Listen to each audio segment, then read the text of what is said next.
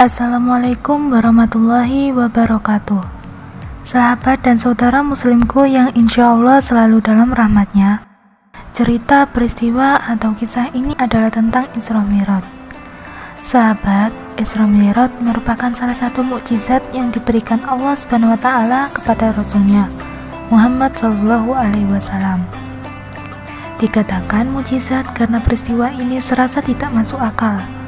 Bagaimana tidak? Dalam satu malam, Rasulullah menempuh perjalanan dari Masjidil Haram di Mekah ke Masjidil Aqsa di Palestina. Dan perjalanan dilanjutkan lagi menuju Sidratul Muntaha atau langit ketujuh. Peristiwa yang terlaksana karena irodat dan kekuasaannya. Dalam peristiwa ini, Rasulullah tidak hanya menyaksikan surga dan neraka, namun, beliau juga menerima perintah untuk melaksanakan sholat lima waktu sehari semalam. Sebagaimana firman Allah dalam surah Al-Isra ayat 1 yang artinya, Maha suci Allah yang telah memperjalankan hambanya pada suatu malam dari Masjidil Haram ke Al-Mas Isra Mi'raj terjadi pada periode akhir kenabian di Mekah sebelum Rasulullah Shallallahu Alaihi Wasallam hijrah ke Madinah. Menurut Al-Maududi, terjadi pada tahun pertama sebelum hijrah yaitu antara 27 Rajab tahun ke-10 kenabian. Namun tidak diketahui secara persis kapan tanggal terjadinya.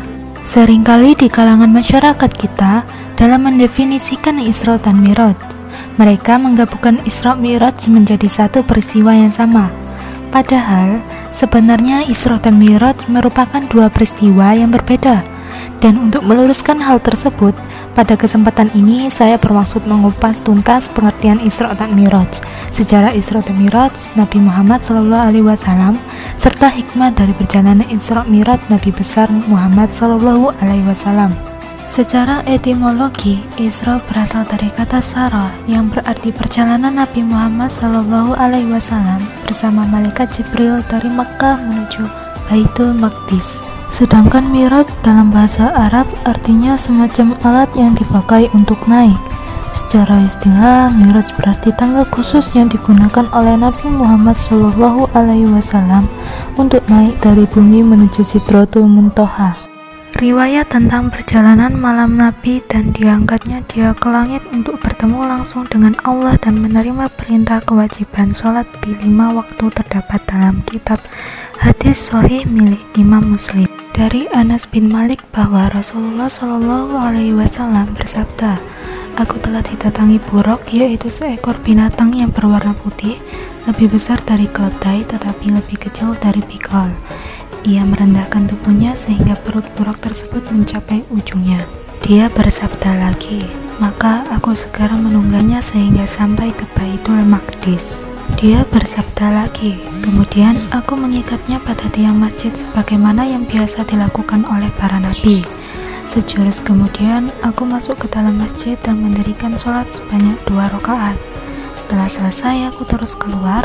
Tiba-tiba aku didatangi oleh Jibril dengan membawa semangkuk arak dan semangkuk susu.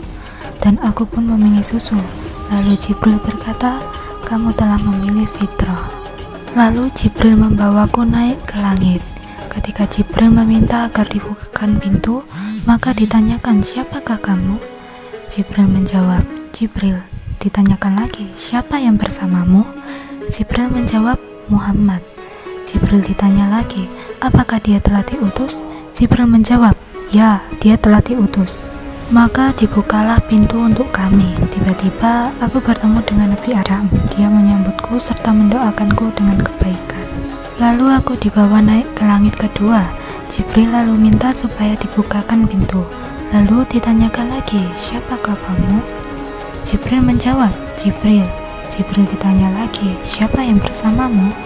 Jibril menjawab, Muhammad. Jibril ditanya lagi, apakah dia telah diutuskan? Jibril menjawab, Ya, dia telah diutuskan. Pintu pun dibukakan kepada kami. Tiba-tiba aku bertemu dengan Isa bin Maryam dan Yahya bin Zakaria. Mereka berdua menyambutku dan mendoakan aku dengan kebaikan. Aku dibawa lagi naik langit ketiga. Jibril pun meminta supaya dibukakan pintu. Lalu ditanyakan, siapakah kamu? Jibril menjawab, Jibril. Jibril ditanya lagi, siapakah bersamamu? Jibril menjawab, Muhammad. Jibril ditanya lagi, apa apakah dia telah diutuskan? Jibril menjawab, ya dia telah diutuskan. Pintu pun dibukakan kepada kami. Tiba-tiba aku bertemu dengan Nabi Yusuf alaihissalam. Ternyata dia telah dikaruniakan dengan kedudukan yang sangat tinggi. Dia terus menyambut aku dan mendoakan aku dengan kebaikan. Aku dibawa lagi naik ke langit keempat. Jibril pun meminta supaya dibukakan pintu. Kedengaran suara bertanya lagi, siapakah kamu? Jibril menjawab, Jibril. Jibril ditanya lagi, siapakah bersamamu? Jibril menjawab, Muhammad. Jibril ditanya lagi, apakah dia telah diutuskan? Jibril menjawab, ya, dia telah diutuskan. Pintu pun dibukakan kepada kami. Tiba-tiba aku bertemu dengan Nabi Idris alaihissalam. Dia terus menyambutku dan mendoakan aku dengan kebaikan. Allah berfirman, dan kami telah mengangkat ke tempat yang tinggi derajatnya.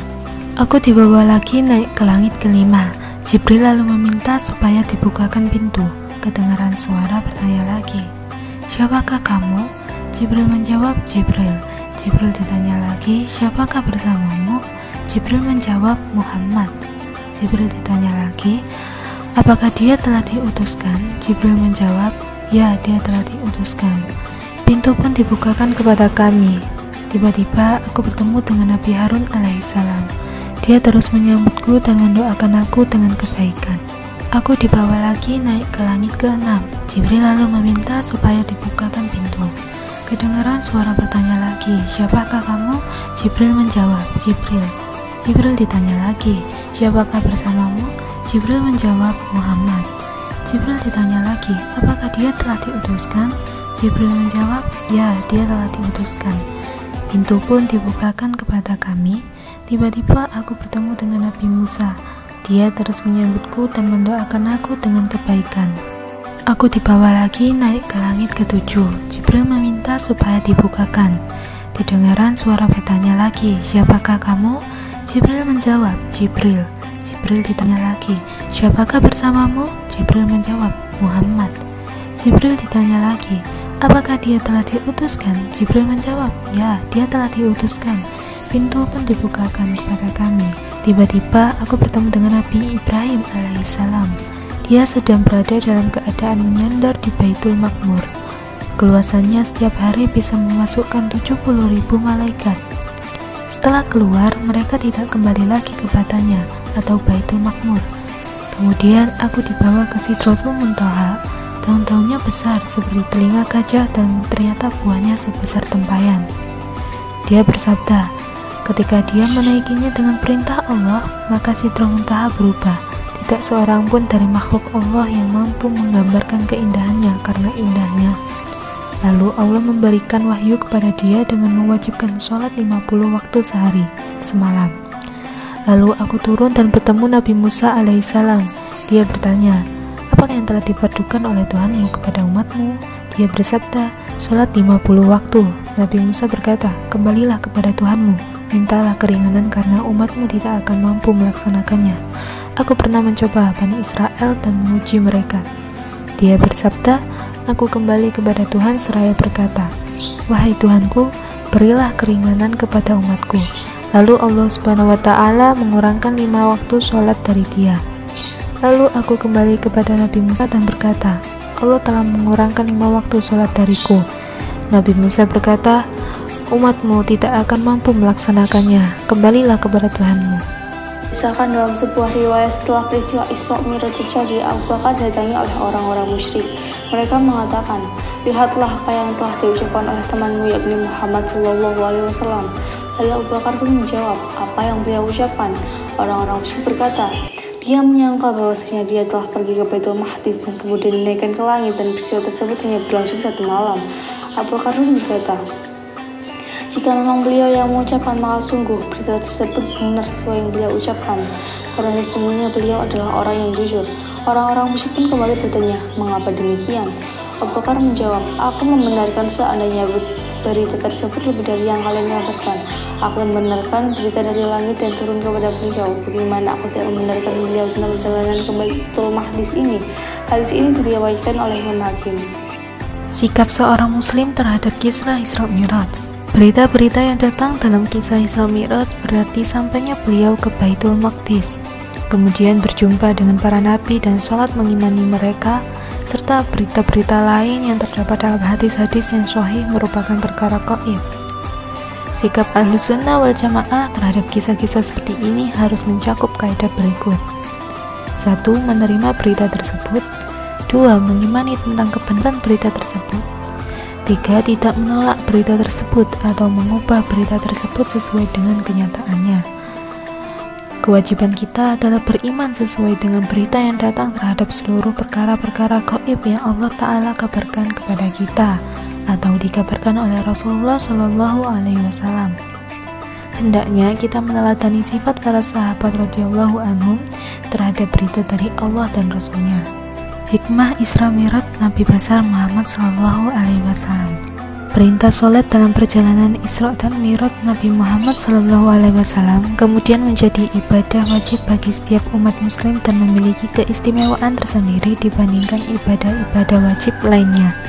Sehingga dalam konteks spiritual, imaniyah maupun perspektif rasional ilmiah, Isra Mi'raj merupakan kajian yang tak kunjung kering inspirasi dan hikmahnya bagi kehidupan umat beragama Islam. Inilah perjalanan yang amat didambakan setiap pengamal tasawuf. Sedangkan menurut Dr. Jalaluddin Rahmat, salah satu momen penting dari peristiwa Isra Mi'raj yakni ketika Rasulullah wasallam berjumpa dengan Allah Subhanahu wa taala. Ketika itu, dengan penuh hormat Rasul berkata, At-tahiyatul mubarakatus sholawatut thayyibatulillah. Segala penghormatan, kemuliaan, dan keagungan hanyalah milik Allah saja. Allah Subhanahu wa taala pun berfirman, Assalamualaikum ayyuhan nabiyyu warahmatullahi wabarakatuh. Mendengar percakapan ini, para malaikat serentak mengumandangkan dua kalimat syahadat. Maka dari ungkapan bersejarah inilah kemudian bacaan ini diabadikan sebagai bagian dan bacaan sholat. Selain itu, Sayyid Hussein Nasar dalam buku Muhammad Kekasih Allah tahun 1993 mengungkapkan bahwa pengalaman rohani yang dialami Rasulullah Shallallahu Alaihi Wasallam saat Mi'raj mencerminkan hakikat spiritual dari sholat yang dijalankan umat Islam sehari-hari.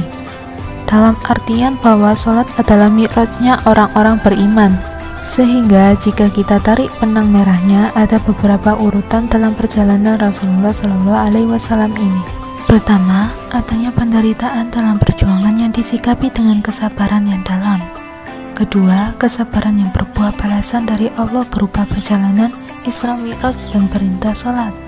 Dan ketiga, sholat menjadi senjata bagi Rasulullah Shallallahu Alaihi Wasallam dan kaum muslimin untuk bangkit dan merebut kemenangan. Ketiga hal di atas telah terangkum dengan sangat indah dalam salah satu ayat Al-Quran yang berbunyi, Jadikanlah sabar dan sholat sebagai penolongmu, dan sesungguhnya yang demikian itu sungguh berat, kecuali bagi orang-orang yang khusyuk, yaitu orang-orang yang meyakini bahwa mereka akan menemui Tuhannya dan bahwa mereka akan kembali kepadanya. Hukum mengadakan perayaan Isra Mi'raj Bagaimana hukum mengadakan perayaan Isra Mi'raj? Berdasarkan dari penjelasan di atas, nampak jelas bagi kita bahwa perayaan Isra Mi'raj tidak boleh dikerjakan, bahkan merupakan perkara bid'ah, karena dua alasan.